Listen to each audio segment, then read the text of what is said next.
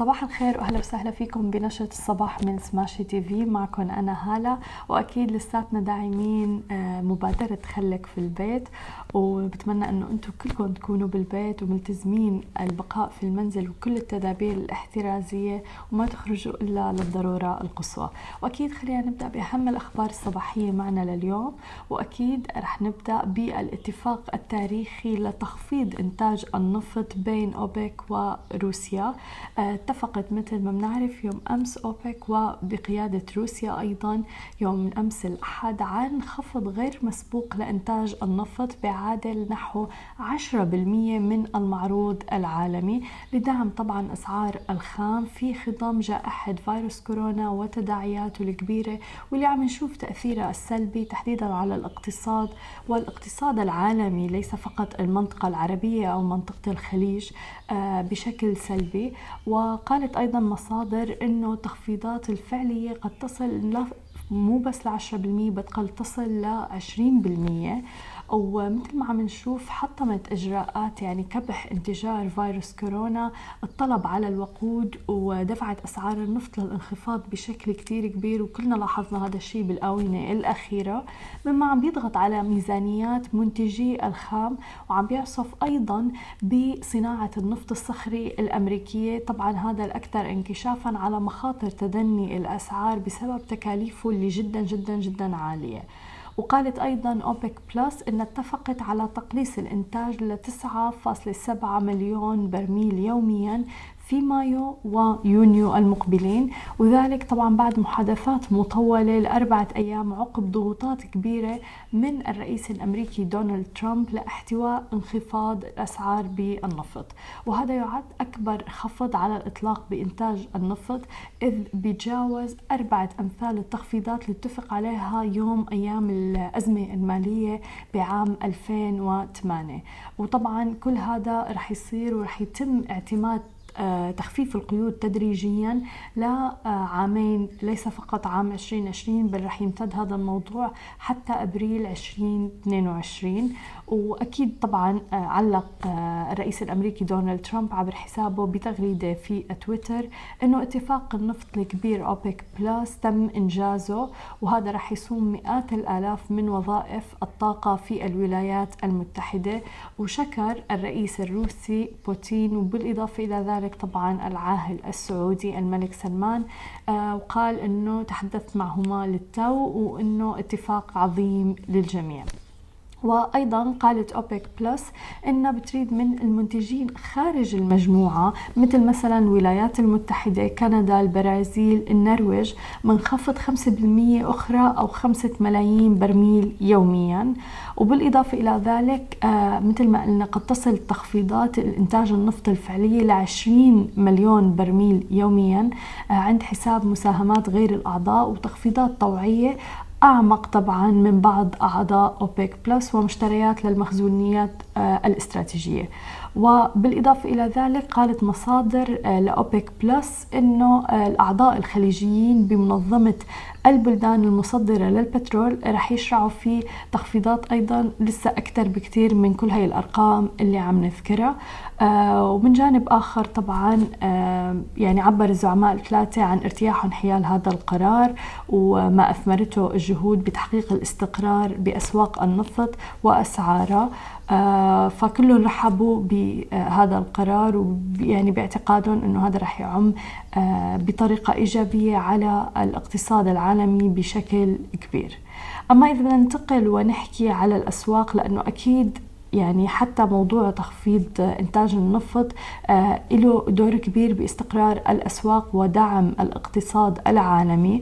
آه، هذا بينقلنا لخبرنا الثاني وهو الأسواق في دولة الإمارات. أسواق المال بدأت أسبوعها على مكاسب ب 16 مليار درهم. آه، هذا خبر إيجابي بظل كل تداعيات فيروس كورونا السلبية اللي عم نشوفها.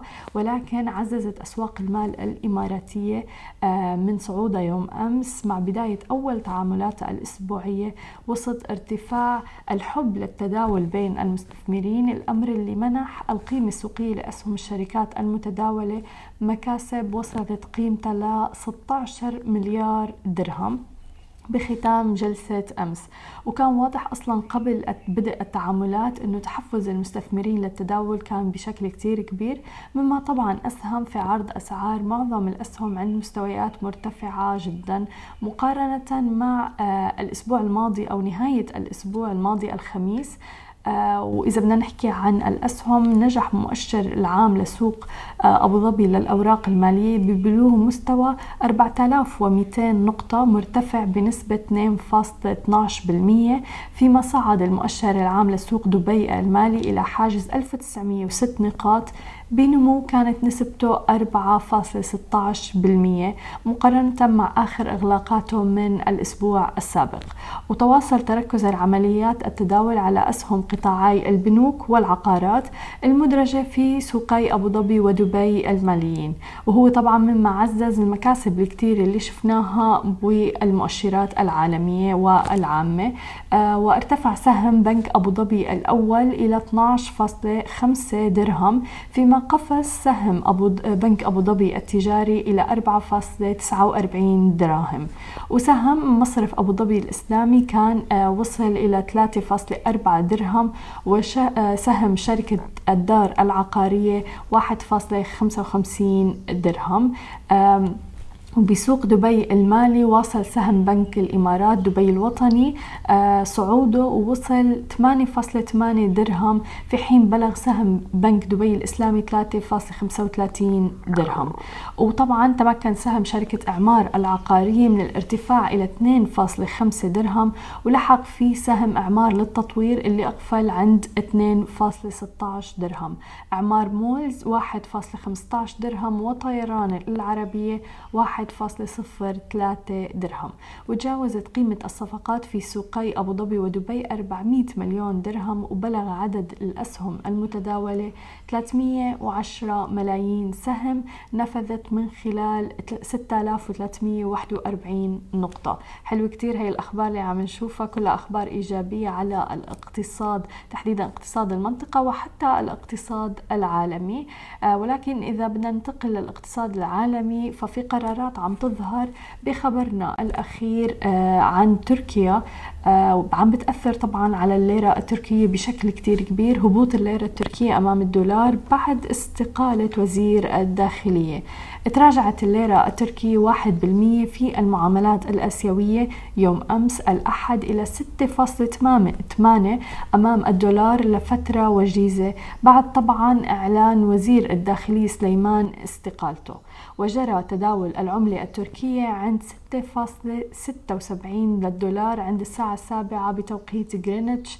وبالإضافة إلى ذلك أعلن مثل ما قلنا وزير الداخلية التركي سليمان يوم أمس الأحد عن استقالته من منصبه على خلفية التخبط في إعلان حظر التجول لمدة يومين في المدن الكبرى في تركيا ضمن طبعا إجراءات مكافحة فيروس كورونا. مثل ما عم نشوف قرارات عديدة عم بتصير عم بتأثر على الاقتصاد العالم عم تأثر على العملات الأسواق وغيرها. فضروري كتير بهالفترات اللي نحن عم نعيشها صانعي القرار يتخذوا القرارات المناسبة والأمثل للجميع حول العالم لأنه فعلا كل قرار عم بيأثر على الجميع من حول العالم.